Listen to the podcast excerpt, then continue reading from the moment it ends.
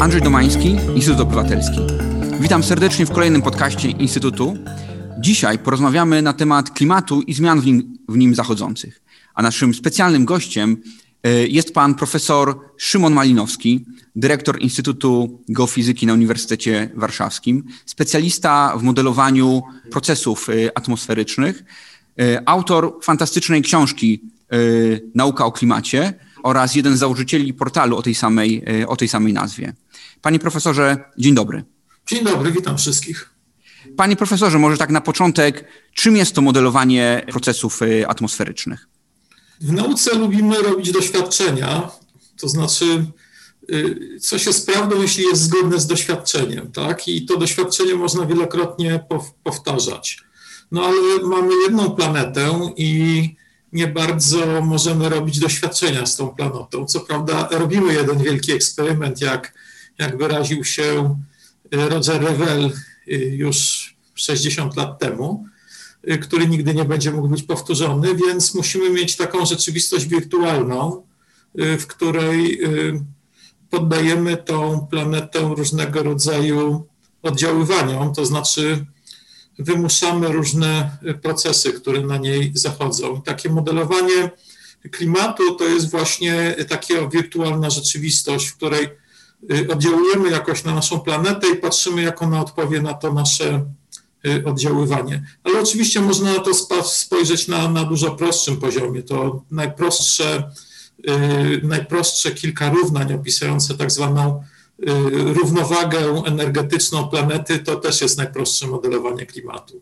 To może cofnijmy się jeszcze o pół kroku wstecz i może czym jest klimat? Bo wciąż wydaje się, że wiele osób w debacie publicznej myli klimat z pogodą. Y, często słyszymy, że mamy na przykład y, chłodne, chłodne lato i jest to, jest to dowód na to, że y, klimat w Polsce rzekomo się nie, nie ociepla. Pierwszą rzecz pan zauważył, że jest mylony z pogodą, ale tylko klimat w wąskim sensie ma szansę być pomylony z pogodą. W wąskim sensie y, to znaczy rozumiany jako statystyka stanów pogody, czy zespół statystyk stanów pogody, czyli na przykład średnia temperatura danej pory roku, typowa ilość opadów. Można powiedzieć, że klimat to jest to, czego oczekujemy mniej więcej od pogody. Najbardziej prawdopodobna wartość z możliwymi y, odchyleniami. Więc y, tutaj czasami można coś pomylić, ale ja chciałem powiedzieć, że, że klimat y, z punktu widzenia i takiego modelowania, i naszego praktycznego, to jest dużo więcej. Z tego powodu, że, że w klimacie wiążą się wszystkie oddziaływania w systemie ziemskim, i to można powiedzieć, że to jest y, taki mechanizm podtrzymywania życia na naszej planecie. Czy można mieć jeszcze jakiekolwiek wątpliwości, iż klimat na naszej planecie jedynej, jaką mamy, ulega zmianom? Czy w środowisku naukowym toczy się jeszcze jakakolwiek debata w tym, temat, w tym obszarze? Znaczy środowisko naukowe, przynajmniej badacze klimatu, y, po pierwsze rozumie podstawowe mechanizmy rządzące zmiany klimat, y, zmianami klimatu, y, rozumie te wymuszenia działające na system klimatyczny, jak to mówimy w języku naukowym i nie ma żadnej wątpliwości, że to, co w tej chwili obserwujemy, ta zmiana klimatu, którą obserwujemy, to jest zmiana systemu klimatycznego wskutek wymuszenia, jakie na nim wywiera nasz ludzki system, gospodarka, społeczność, cała ludzkość. Czyli, czyli ta zmiana klimatu, którą w tej chwili obserwujemy i której doświadczamy wszyscy, to jest antropogeniczna zmiana klimatu. I to jest na 100%, tak? Dlatego, że często podnosi się, że w przeszłości również mieliśmy do czynienia ze zmianami klimatu. W czasach, kiedy przemysł no nie tak, był tak potężny, jak ma to miejsce, miejsce obecnie, również przecież temperatura ulegała, y, ulegała y, zmianie. Nigdzie nie powiedziałem, że, że jesteśmy jedyną możliwą przyczyną zmian klimatu. W takim razie, y, dlaczego wciąż tak wiele osób neguje to, iż y, zmiany w klimacie, w klimacie zachodzą? Wiedza o zmianach klimatu jest czasem dosyć niewygodna, bo gdyby ją konsekwentnie zastosować, to wymaga od nas pewnego rodzaju działań, y, które nie zawsze y, muszą być zgodne z naszymi chwilowymi potrzebami. Jest mnóstwo, mnóstwo firm, także wydobywczych i innych, które nie bardzo chcą przyjąć do wiadomości, że należy ograniczyć emisję i, i, i przestać wpływać na środowisko tak, jak wpływamy. W związku z tym no, jest aktywne po pierwsze przeciwdziałanie szerzeniu tej wiedzy, sianie wątpliwości. Po drugie, ludzie czasami chcą ją wyprzeć, bo Y, bo zagrożenie, które już w tej chwili widzimy, jest dosyć y, poważne i ludzie y, czasami się boją. Wspomniał pan profesor, że zagrożenie jest poważne. Jak bardzo zła jest sytuacja? Czy, czy dochodzimy już do tego punktu, za którym nie ma już powrotu? Mam na myśli, czy zmiany klimatyczne nie zaszły już tak daleko, że nawet wzmożony wysiłek ze strony całej ludzkości może się okazać niewystarczający do tego, aby uniknąć katastrofy? My nie wiemy dokładnie, jak daleko jesteśmy od tego punktu krytycznego i, i jak daleko jeszcze możemy y, wpływać na tą przyrodę, ile, ile możemy wyemitować. Jest takie pojęcie y, budżetu węglowego, które mówi, ile y, dwutlenku węgla możemy wyemitować do atmosfery, żeby nie przekroczyć jakiegoś progu ocieplenia z jakimś prawdopodobieństwem. I ja dodam jeszcze, że 30 lat temu przegapiliśmy okazję zrobienia porządku z klimatem i y, przez te 30 lat bardzo dużo nabroiliśmy. W zasadzie tyle samo, ile od początku epoki przemysłowej do, do tamtego okresu. I, I w tej chwili już naprawdę jest ostatni dzwonek, żeby, żeby przestać y, emitować te gazy cieplarniane. Krótko mówiąc, nie mamy pewności, czy jest, czy też nie jest za późno. Natomiast y, ten czas, który został stracony, aby go, tak jak powiedział pan profesor, w ciągu ostatnich 30 lat, y, aby ten czas nadgonić, musimy jako ludzkość, rozumiem, dokonać potężnego, potężnego wysiłku rozumiem, iż pokolenie, które przyjdzie po nas, będzie żyło w gorszym świecie niż, niż żyjemy my współcześnie. To już jest pewne. Natomiast proszę zauważyć, że my żyjemy już w gorszym y, świecie niż, niż żyli nasi przodkowie małe y, kilkanaście lat temu. Tak? W tej chwili już te zmiany zaczynają być y, bardzo silnie zauważalne. Może nie dotykają jeszcze nas bardzo w Polsce, Y, ale w bardzo wielu miejscach na świecie te zmiany już są y, bardzo, bardzo negatywnie wpływają na, na ludzi, którzy tam mieszkają. Czy w takim razie my, jako y, obywatele, y, możemy coś zrobić samodzielnie? Czy nasze wybory indywidualne mają faktyczny wpływ, bo często kojarzymy efekt cieplarniany przede wszystkim z energetyką, tak? z, wielkimi, z wielkimi koncernami, y, natomiast nasze decyzje decyzje osobiste wydają nam się tutaj mniej, e, mniej relevantne. Czy tak, jest, e, czy tak jest rzeczywiście? I tak, i nie, można powiedzieć. W, w pewnym sensie mamy kłopot z tego powodu, że system, jaki zbudowaliśmy, uzależnia nas od paliw kopalnych i każde działanie, jakie podejmujemy, jest związane z emisjami. Tak? Nawet to, że my sobie w tej chwili przez internet rozmawiamy, to internet zużywa 10% prądu produkowanego na świecie. Internet szeroko rozumiany, telekomunikacja i, i, i, i, filmy, wideo i tak dalej. Natomiast oczywiście jest tak, że my wpływamy na ten świat w różny sposób, także przez nasze decyzje konsumenckie Y, czy jemy mięso, czy nie jemy mięsa, czy kupujemy samochód, który zużywa strasznie dużo paliwa. Warto wiedzieć, że litr paliwa to jest prawie 2,5 kg dwutlenku węgla po spaleniu. Y, mhm. Czy, czy jeździmy y, jak wściekli samochodem, czy, czy nie jeździmy jak, jak wściekli, czy latamy samolotem, który oprócz tego, że emituje na kilometr znacznie więcej niż niż inna komunikacja publiczna, to lata wyżej i emituje te gazy w gorszym miejscu dla atmosfery, no mamy tutaj bardzo, bardzo duże pole do działania. Aczkolwiek, jeżeli system nam nie pomaga w ograniczeniu emisji, no to czy pcha nas do tego, że, że, że, że, że musimy podejmować decyzje emisyjne, no to mamy z tym pewne kłopoty. No tak, te emisje przychodzą, y, właściwie mają swoje źródło często w takich dosyć nieoczywistych, nieoczywistych źródłach. My kojarzymy bardzo mocno emisję, emisję z, z energetyką, z transportem. Ja byłem zaskoczony, że ponad 11% emisji gazów cieplarnianych przypada, przypada na rolnictwo, sektor, sektor rolny. Więc tutaj rozumiem, że te zmiany w naszym stylu życia, jakie, jakie muszą zajść, to nie tylko to, że przysiądziemy się z samochodu na, na rowery, ale także będziemy musieli dokonać zmian choćby w modelu, w modelu produkcji żywności. Tak, tych zmian jest bardzo dużo. Y, ja może jeszcze powiem, że na przykład też nie zdajemy sobie sprawy ze śladu węglowego y, naszych mieszkań i budynków, w których mieszkamy i żyjemy, prawda? Nic nie stoi na przeszkodzie, żeby te domy były niskoemisyjne czy pasywne, które budujemy poza naszymi przyzwyczajeniami. Mnóstwo, mnóstwo rzeczy jest związanych z przyzwyczajeniami. Y, ja nie mówię, że musimy się koniecznie na, na rowery przysiąść, ale, ale, że tak powiem, jeżdżenie y, samochodem, który waży półtorej i dwie tony i służy do tego, żeby przewieźć nasze, nasze zakupy, no to jest y, kompletna, y, kompletna paranoja z punktu widzenia efektywności energetycznej. Natomiast oczywiście ciągle słyszymy, musisz to kupić, musisz to kupić, musisz to kupić.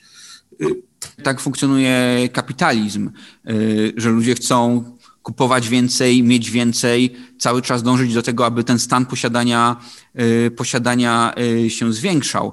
Czy tutaj, y, zdaniem profe pana profesora, jest miejsce na, dla państwa na, na, na aktywne, na aktywne wpływanie na, na, na procesy, procesy w gospodarce, choćby poprzez zwiększone regulacje? Na pewno jest bardzo duże miejsce dla państwa, z tego powodu, że kapitalizm i rynek ma pewną y, dużą ułomność. To znaczy liczy się tylko tu i teraz, tak? Natomiast y, brakuje, że tak powiem, dłuższego spojrzenia. I druga rzecz, która jest istotna w tej całej grze rynkowej, w której uczestniczymy, y, bardzo duża część wysiłku idzie na to, żeby eksternalizować koszty. Czyli krótko mówiąc, żeby nie płacić za na przykład korzystanie ze środowiska czy za zniszczenia w tym środowisku. No i teraz, jeżeli my podejmujemy decyzje konsumenckie, nie mając informacji o tym, ile co kosztuje, no to w tym momencie my jesteśmy ograniczeni w tych naszych wyborach naszą, naszą niewiedzą. Nie ma sygnału cenowego, więc, więc państwo tutaj ma bardzo duże pole do, do popisu, żeby ten słaby element rynku zaklejstrować w naszym y, dobrze rozumianym interesie wspólnym. Wszyscy chcemy płacić, y, płacić jak najmniej. Tutaj y, rozumiem, że to właśnie jest rola regulacji, aby te produkty, czy właściwie te procesy, które prowadzą do większej, większej emisji, aby były związane z ponoszeniem wyższych kosztów, które z kolei będą przekładały się na, te, na, na tą cenę, y, cenę finalną dla, y, dla konsumenta. Jednocześnie prawdopodobnie oznaczałoby to, że inne produkty, których y, ślad węglowy nie jest tak, tak wysoki, mogłyby tę cenę mieć niższą i w ten sposób ta równowaga rynkowa byłaby ukształtowana po prostu w innym miejscu. Tak mi się wydaje. Ja nie jestem ekonomistą, ale jak, jak czytam specjalistów, którzy zajmują się właśnie takim całościowym podejściem do tego, jak świat, y, społeczeństwo ludzi y, funkcjonuje w tym świecie przyrody, no to w tym momencie naj, naj, naj, najprostszą rzeczą y, to byłoby po prostu nałożenie tej dodatkowej ceny czy opłaty, którą można by, że tak powiem, wykorzystać w ten sposób, żeby znieść inne podatki na przykład czy, czy, czy, czy wykorzystać na, na konieczną transformację energetyczną. Tutaj ja już nie jestem specjalistą.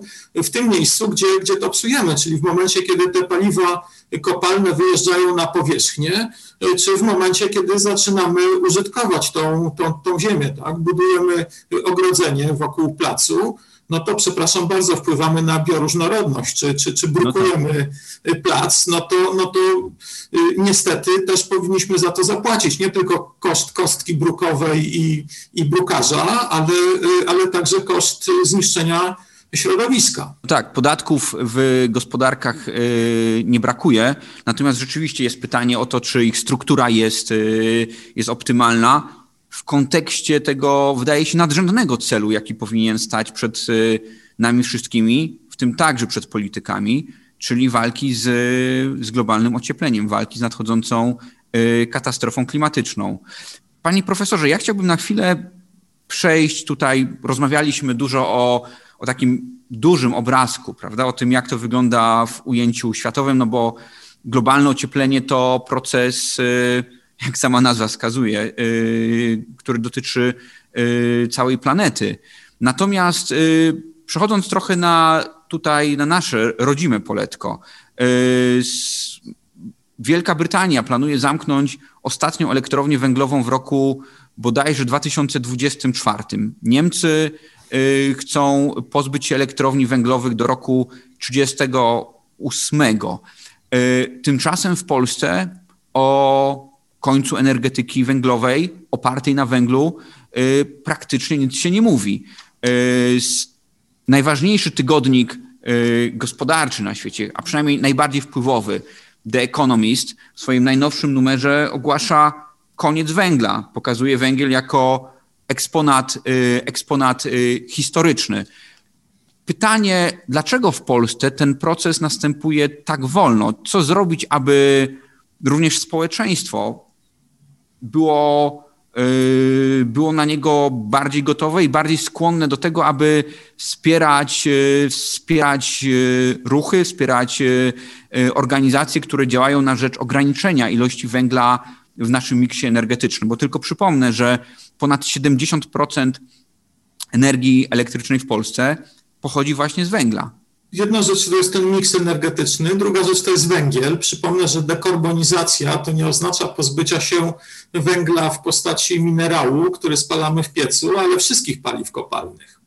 I tutaj czasami y, niektórzy, jak hipokryci, propagują gaz zamiast węgla, tymczasem gaz ziemny, metan, też jest paliwem kopalnym, a y, sam, gdy ulatnia się do atmosfery, jest, y, ma silniejszy efekt na, na globalne ocieplenie niż dwutlenek, niż dwutlenek węgla w aktualnych warunkach i w aktualnych stężeniach.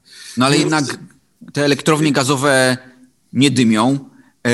I to często się mówi, że są taką ciekawą formą stopniowego odchodzenia od, y, od y, energetyki opartej na węglu. Rozumiem, że pan profesor y, tego poglądu nie podziela. To znaczy, nas nie stać na stopniowe odchodzenie i zamienianie jednego złego na coś troszkę mniej, czymś troszkę mniej złym, zwłaszcza, że, że, że wymaga inwestowania dużych pieniędzy na bardzo krótki okres czasu, które, które nie, mogą się, y, nie mogą się zwrócić. W związku z tym oczywiście energetyka odnawialna, y, także energetyka jądrowa jest tutaj rozwiązaniem. Te technologie istnieją i te technologie mamy. One mają swoje zalety, mają swoje wady, każda, każda z nich. Natomiast zamiana siekierki na kijek jest słabo, że tak powiem, Y, uzasadniona. Y, Ale jest to rozwiązanie, do którego w sumie chyba podąża wiele państw y, zachodnioeuropejskich. Rosnący udział energetyki gazowej, choćby u naszego zachodniego sąsiada. Czytam, że również w Belgii są plany, aby zwiększać udział gazu w miksie energetycznym. Czy te kraje popełniają, popełniają błąd? W ocenie, że tak powiem, walki ze zmianami klimatu, to na pewno popełniają błąd. Oczywiście te wszystkie decyzje y, podejmowane są y, z innych perspektyw. W związku z tym y, pamiętajmy o tym, że tak naprawdę to, co się liczy w decyzjach, to jest potencjał dekarbonizacyjny, ile mniej dwutlenku węgla i innych gazów cieplarnianych ze spalania paliw kopalnych i danego działania wyemitujemy. I druga rzecz, potencjał ratowania bioróżnorodności. Z punktu widzenia klimatu to są w zasadzie jedyne, jedyne parametry, które powinniśmy, które powinniśmy uwzględniać. Natomiast, y, natomiast y, no przez to, że nie mamy y, tego podatku Y, od emisji, który jest związany z zawartością węgla w paliwach kopalnych i nie mamy tego podatku od bioróżnorodności, to w tym momencie różnego rodzaju krótkookresowe wyliczenia ekonomiczne mogą pokazywać nam przewagę jednego, y, jednego y, rozwiązania nad drugim. Natomiast to nie jest nic innego jak taka czy inna eksternalizacja kosztów, której powinniśmy unikać. Wspomniał pan profesor energetykę jądrową.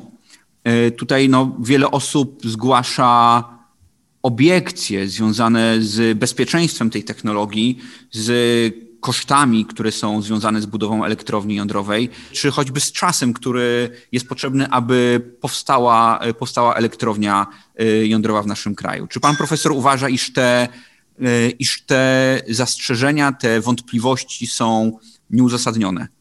Każdy rodzaj energetyki ma swoje minusy, tak? I teraz y, należy zważyć plusy i minusy różnych rozwiązań.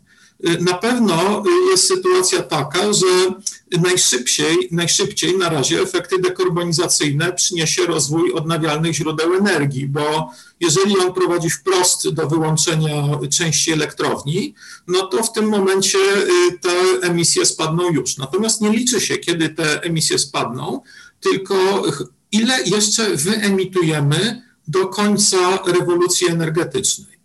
I teraz możemy zostać w sytuacji, ponieważ odnawialne źródła energii nie są dyspozycyjne i wymagają magazynowania energii i nowych sieci energetycznych i mnóstwa różnego rodzaju rzeczy, a te technologie nie istnieją na masową skalę, że my nie będziemy mogli ich y, zastosować tak, żeby kompletnie odejść od węgla. No i tutaj zostaje okienko dla energetyki jądrowej. My zaczynamy budować teraz, a za kilkanaście lat mamy czysty prąd. Tylko przerwę, bo pojawiło się pojęcie dyspozycyjności yy, energii, tak? Y, czy dyspozycyjności odnawialnych źródeł energii. Co pan profesor ma na myśli? No tak, no spójrzmy teraz, jest y, grudniowy wieczór, słońca nie ma, to znaczy produkcja energii z fotowoltaiki jest, jest zero. No trochę wieje, ale nie za mocno w tej chwili.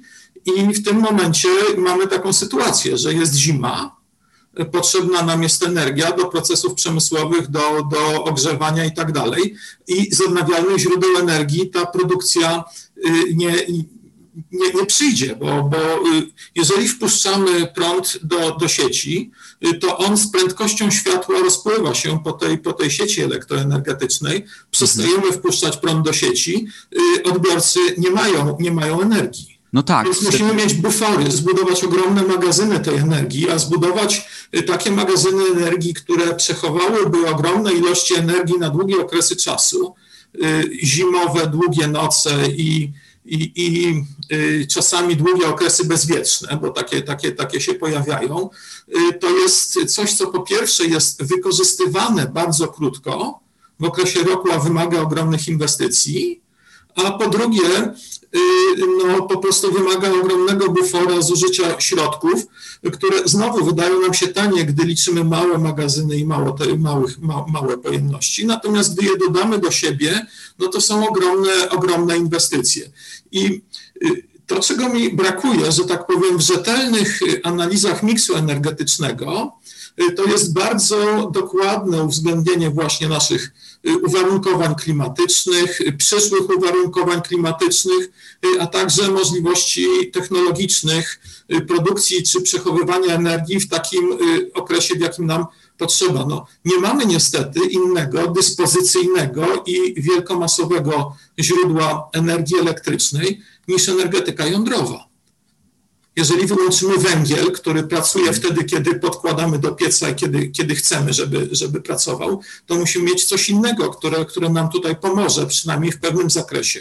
Czyli z tego, co pan profesor mówi, rozumiem, że ten sprzeciw, dosyć mocny sprzeciw wobec energetyki jądrowej, jaki obserwujemy, e, nie ma oparcia w nauce. Można sobie wyobrazić miejsca na świecie, i, i sytuacje, w których ta energetyka jądrowa nie jest potrzebna. Natomiast to nie jest powszechna prawda i w każdym miejscu, w każdej lokalizacji, y, w której, w której, w której, w której jesteśmy. W związku z tym nie można bezkrytycznie przyjmować y, rozwiązań dla, dla jednych obszarów, y, jako właściwe rozwiązania dla drugich obszarów. My jesteśmy na takiej szerokości geograficznej, w takich warunkach, jeśli idzie o góry, możliwość energetyki wodnej i tak dalej, jakie, jakie mamy, w takich warunkach, jeśli idzie o dopływ energii słonecznej, no i teraz jednak zależy nam na tym, żeby, żeby ta nasza cywilizacja w jakimś stopniu działała, żeby był prąd w gniazdku, żeby szpitale działały, żeby komunikacja działała.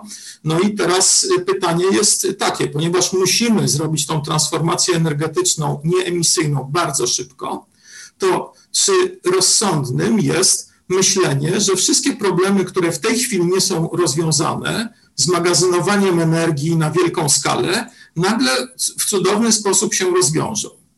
Y, to jest kwestia naszego bezpieczeństwa, naszej przyszłości. I możemy się bardzo bać y, awarii elektrowni jądrowej, y, ale liczby są nieubłagane i one mówią, że te awarie wcale takich dużych szkód nie, nie poczyniły. My dużo większe szkody czynimy spalając węgiel, czy, czy korzystając nieodpowiedzialnie z innych źródeł energii.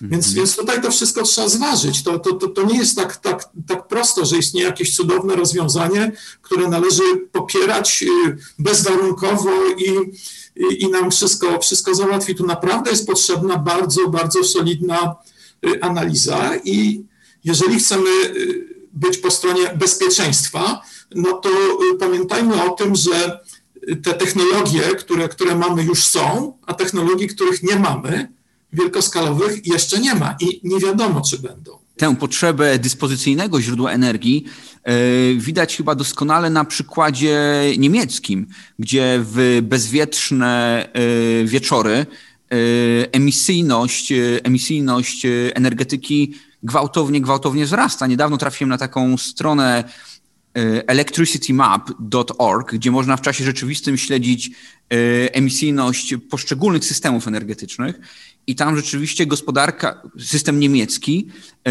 w bezwieczne dni no, wygląda niewiele lepiej od systemu polskiego, pomimo miliardów, miliardów euro zainwestowanych w, w OZE, to w takim, w szczególności w wiatraki, w, takim, w takich sytuacjach Y, w Niemczech, jak rozumiem, włączają się źródła węglowe oraz, y, oraz gazowe i to powoduje tę wyższą, y, wyższą emisję. Tak, jeszcze sprowadzają prąd z Francji, z, z elektrowni jądrowych, prawda? Ale oczywiście średnio rzecz biorąc ich emisje są, są mniejsze niż nasze, bo zainwestowali dużo dużo wozę i, i w pierwszym etapie tych inwestycji wozę, wtedy, kiedy można skompensować ten, te efekty niedyspozycyjności dyspozycyjnością innych źródeł, to jest fantastyczne rozwiązanie. Pytanie jest takie, czy bezpiecznie możemy postawić na to rozwiązanie w perspektywie tych dwudziestu paru lat, które nam zostały do tego, żeby pozbyć się emisji. I moim zdaniem to jest wątpliwe. Tutaj, panie profesorze, nie mogę nie wspomnieć o wodorze. Wiele osób mówi, że to jest właśnie paliwo, które będzie, yy, które nas uratuje, tak? które pozwoli nam zastąpić yy, węgiel i gaz w naszym, w naszym miksie energetycznym. No być może, ale znowu ja jestem fizykiem i tak wiem, że wodór ma też, też, też złe strony, to znaczy trudne technologicznie. To jest gaz, który bardzo łatwo ucieka. Poza tym y, problem polega na tym, że to pozyskiwanie wodoru, nawet jak mamy nadwyżkę energii, to jest mało efektywne energetycznie a potem jeszcze go spalamy, co też niekoniecznie jest efektywne energetycznie. W związku z tym my musimy wyprodukować dwa albo trzy razy więcej energii elektrycznej, po to, żeby jej część przeznaczyć na, y, y, na y, zmagazynowanie energii w postaci wodoru i potem odzyskać tą, tą, energię, tą energię z powrotem. No i znowu tutaj szczegółowy rachunek pokazuje, że do jednych zastosowań w aktualnym stanie naszego świata, naszego kraju i tak dalej, te, te inwestycje prawdopodobnie mogą być bardzo, bardzo wskazane i bardzo wydajne. Natomiast liczenie na to, że to będzie to jedno cudowne rozwiązanie, które, które nas zbawi, jeżeli rozwiążemy te problemy, o których mówię, a które są po prostu, no to jest takim dosyć niebezpiecznym założeniem. Krótko mówiąc, żeby pozbyć się węgla, i w dłuższej perspektywie również, również gazu, potrzebujemy przede wszystkim stawiać na OZE, ale również jest dla nas niezbędna ta noga elektrowni energetyki, przepraszam, jądrowej, plus yy, pracę nad rozwojem yy, technologii wodorowej, która może być rzeczywiście tym, tym naprawdę czystym paliwem, które pozwoli nam ostatecznie zapomnieć o, yy, o węglu i innych i, i, o, i o gazie. Powiedziałbym, że to są drugi i trzeci punkt, natomiast pierwszym punktem jest energooszczędność. To znaczy doprowadzenie do takiej sytuacji, żeby nam się nie opłacało tej energii marnować, co robimy w tej chwili na ogromną, na ogromną skalę, w zasadzie w każdym działaniu, jakie prowadzimy. Więc to są te trzy rzeczy, które trzeba po prostu, moim zdaniem, w tej chwili rozwijać. Co nie znaczy oczywiście, że, że jeżeli nam się uda uniknąć tej katastrofy klimatycznej i technologia będzie nadal postępować, że, że fuzja Y, że fuzja jądrowa, czy właśnie rozwój magazynów energii, czy, czy, czy wodór, czy cokolwiek nie, nie osiągnie takiej, y, takiej dojrzałości, żebyśmy za jakiś czas mogli się tej energetyki jądrowej pozbyć. Czyli żebym tę trójcę podsumował, przede wszystkim energooszczędność. Musimy zużywać tej energii wszyscy po prostu, po prostu mniej. Po drugie, oparcie się na zbadanej, e, dobrze znanej od strony technologicznej energetyce jądrowej, jako wsparcie oczywiście dla rozwoju, e, dla rozwoju e, energetyki opartej na odnawialnych źródłach energii. Nie ma cudownych rozwiązań i musimy ten miks tych wszystkich rozwiązań stosować Y, tak jak potrafimy najlepiej, bo to nam y, pozwoli uniknąć katastrofy klimatycznej i zacofania gospodarczego i totalnego naszego kraju. Sporo mówiliśmy o, y, o tym, jak system wygląda we Francji i w Niemczech. Jeszcze wracając na chwilę tutaj do Polski, to czy zdaniem pana profesora zeroemisyjna Polska, czy niskoemisyjna Polska w roku 2050 to cel realny, czy raczej to takie marzenie, y, marzenie ściętej głowy? Niedawno pojawił się raport y, firmy McKinsey, który pokazuje ścieżkę dochodzenia do tej zeroemisyjnej Polski w roku 2050, ale czytając go widzę tam technologie, które nie są jeszcze w pełni, y, w pełni rozwinięte. Widzę no, rosnący udział choćby OZE oraz energetyki jądrowej. Czy jesteśmy w stanie jako społeczeństwo to zrobić. Co jeszcze? Widzę tam y, również y, istotne zmiany, istotne zmiany w polskim y, w systemie, w systemie produkcji rolnej. Czy to są zmiany niezbyt rewolucyjne jak na, jak na nasz kraj? My w tej chwili już nie bardzo mamy wyjście i musimy tą rewolucję y, z pełną świadomością wprowadzać, oczywiście pamiętając o tym, że te wszystkie zmiany y, dotykają różne grupy ludzi, więc y, to musimy robić z głową. Po pierwsze, wyjaśniać, dlaczego to musimy wprowadzać. Po drugie, w sytuacjach, kiedy to dotyka mocno dużej grupy ludzi, to potrzebne są działania osłonowe, no, na które na przykład moglibyśmy brać częściowo pieniądze z tych podatków węglowych, bo wiadomo, że na tą, za, tą, za tą nadmierną konsumpcję energii środowiska y, to odpowiadają przede wszystkim najbogatsi. I to może być taki sposób y, jednak pewnej redystrybucji dochodów i, i dóbr. Y, ja nie jestem politykiem i nie jestem tu specjalistą w tej dziedzinie, ale jako fizyk atmosfery mogę powiedzieć, że my nie bardzo mamy wyjście Y, nie wpisać się w ten trend y, zmiany, y, zmiany naszych, zasilania naszej cywilizacji, bo, bo jeśli się nie wpiszemy, no to w tym momencie przyroda spowoduje, że, że ta nasza cywilizacja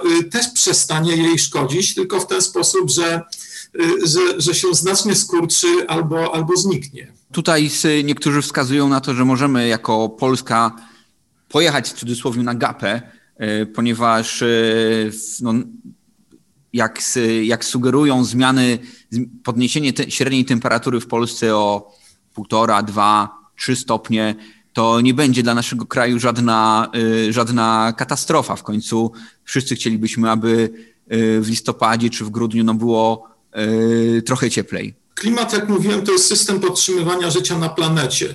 I teraz, jeżeli my nie widzimy, że to powietrze wpływa i wypływa, że mamy coraz to przenoszone inne wektory chorobotwórcze, że, że, że po prostu na przykład załamuje się produkcja rolna w dużym obszarze, w dużym obszarze świata, że, że, że zaczynają się migracje i to naciski migracyjne na skalę dużo większą niż do tej pory byliśmy, byliśmy do tego, do tego przyzwyczajeni. Jeżeli oczywiście y, jesteśmy w stanie postawić szklane granice y, y, naokoło naszego kraju i też nie wyjeżdżać do innych krajów i nie korzystać z importu i z eksportu i, i, i nie działać inaczej, to, to proszę bardzo, możemy, możemy próbować jechać na gapę. Rozumiem, że zdaniem pana profesora musimy szykować się na, jako cywilizacja na potężne, potężną wojnę, potężne zderzenie z tym wyzwaniem, jakim jest zmiana klimatu, a nie myśleć o tym, jak przetrwać, jak żyć po, yy, po tejże katastrofie. Y, ta katastrofa ty, różni się tym od Armagedonu, że, że ona będzie bardzo długo trwała. I teraz, jeżeli my teraz y, powstrzymamy jej, że tak powiem, podstawy w dużej mierze, to w tym momencie będziemy się w stanie przystosować. Natomiast jeżeli tego nie zrobimy, y, to mamy perspektywę Mad Maxa i takiego Mad Maxa, który potem zniknie z tej pustyni razem ze wszystkimi swoimi Y, adwersarzami i, i, i tymi, z którymi walczy, i tymi, którym pomaga. Więc moim zdaniem perspektywa jednak nastawienia się na to, że, że musimy sobie z tym poradzić, to jest znacznie, y, znacznie bardziej atrakcyjna. Po prostu nie mamy wyboru i musimy te często radykalne działania, y, ale niezbędne podejmować nie za 10, nie za 15 lat, tylko podejmować je po prostu teraz tak, nie ma, nie ma wyjścia. Musimy teraz. Ja myślę, że, że to jeszcze w ciągu najbliższego roku będzie y, dużo bardziej podkreślone po tym, jak wyjdą kolejne części nowego nadchodzącego raportu międzyrządowego panelu do spraw zmian klimatu, które będą w przyszłym roku sukcesywnie się ukazywać. Rozumiem, że to, te ostatnie zdania można traktować jako takie wezwanie, y, wezwanie do działania. E, może wezwanie do działania na nadchodzący 2021 rok, po roku, który, roku 2020, który był no, niezwykle ciężki dla, chyba dla nas wszystkich. E, wydaje się, iż z tego kryzysu powinniśmy wyjść właśnie, właśnie poprzez większą aktywność w, w walce z nadchodzącym potężnym zagrożeniem, jakim jest katastrofa, katastrofa klimatyczna zachęciłbym polityków czy, czy odpowiedzialnych za politykę na różnych szczeblach, żeby zajrzeli do dokumentów przygotowanych dla polityków przez y, ten międzyrządowy, międzyrządowy panel. To, to się nazywa Summary for Policymakers i tam jest y, dobrze przedstawiony stan, stan, stan wiedzy. Może nie warto zaglądać do starych raportów, ale do y, tak zwanych raportów przejściowych z ostatnich dwóch lat, no, warto byłoby, żeby każdy odpowiedzialny polityk zapoznał się z nimi. Panie profesorze, rozmawialiśmy dzisiaj o tym, co powinny robić rządy, o przemyśle, o, yy, o tym, jak powinni zachować się zwykli obywatele wobec nadchodzącej katastrofy klimatycznej. Yy, książka, której jest pan współautorem, kto powinien z niej i kto z niej może najwięcej, najwięcej wyciągnąć? Staraliśmy się napisać w ten sposób, żeby była dostępna dla, dla wszystkich obywateli. Y, oczywiście nie wszystkie y, fragmenty będą y, równie, równie jasne, natomiast wydaje nam się, że, że nawet pominając pewne fragmenty, każdy może się z niej sporo, sporo dowiedzieć. My w Instytucie Obywatelskim traktujemy ten temat jako jeden z absolutnie priorytetowych. Także, panie profesorze, bardzo serdecznie dziękuję za y, dzisiejsze spotkanie. Bardzo serdecznie dziękuję za wytłumaczenie tych wielu y, ważnych pojęć y, i mam nadzieję do, do usłyszenia i do spotkania w niedalekiej przyszłości. Dziękuję panu i państwu. Do widzenia. Dziękuję bardzo.